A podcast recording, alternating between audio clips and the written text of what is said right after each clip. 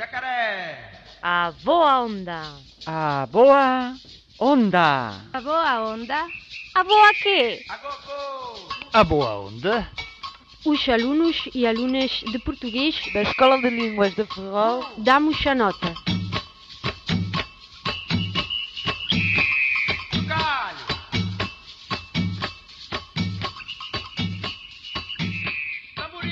Olá, isto é a Boa Onda Radio Filispín 93.9, Radio Libre e comunitária da Terra de Trasancos.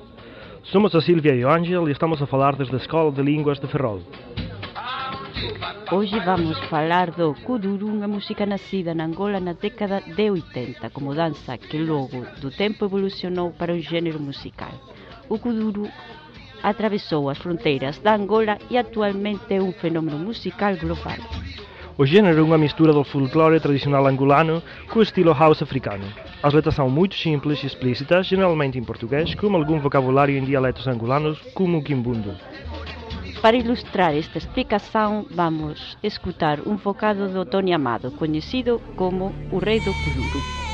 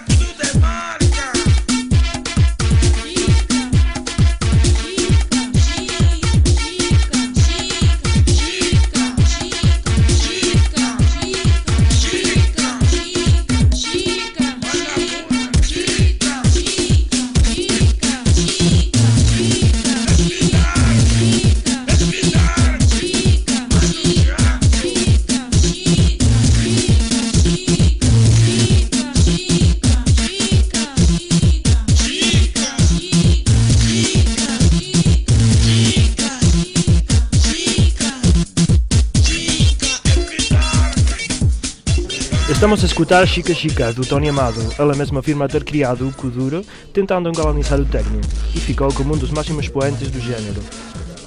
Na actualidade, o Kuduro é um fenómeno musical muito conhecido em toda a lusofonia e também fora das suas fronteiras. Evolucionou das suas origens a outras derivadas, como o Kuduro progressivo de Buracas, um sistema que vamos escutar agora. Até o próximo programa da Boa Onda. Fiquem bem. Vamos fazer história, ok? Vamos cravar o porto na história da música portuguesa.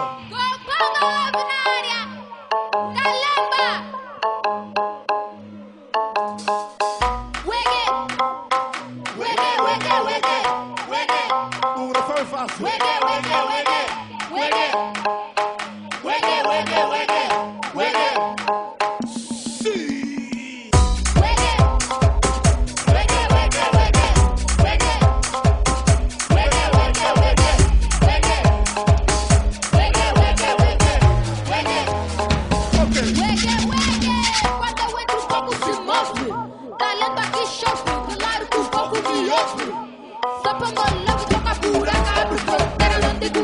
digo asneira. No microfone, sou a primeira, vou levantar a minha bandeira. Angola, o mundo cobiça, mas é o povo que defendiça. A POG no beat capricha. Que sou rap, que meu ficha. Mesmo eu, a da mangache muito agressiva. Me derrubarem como a Cuba, sou criativa.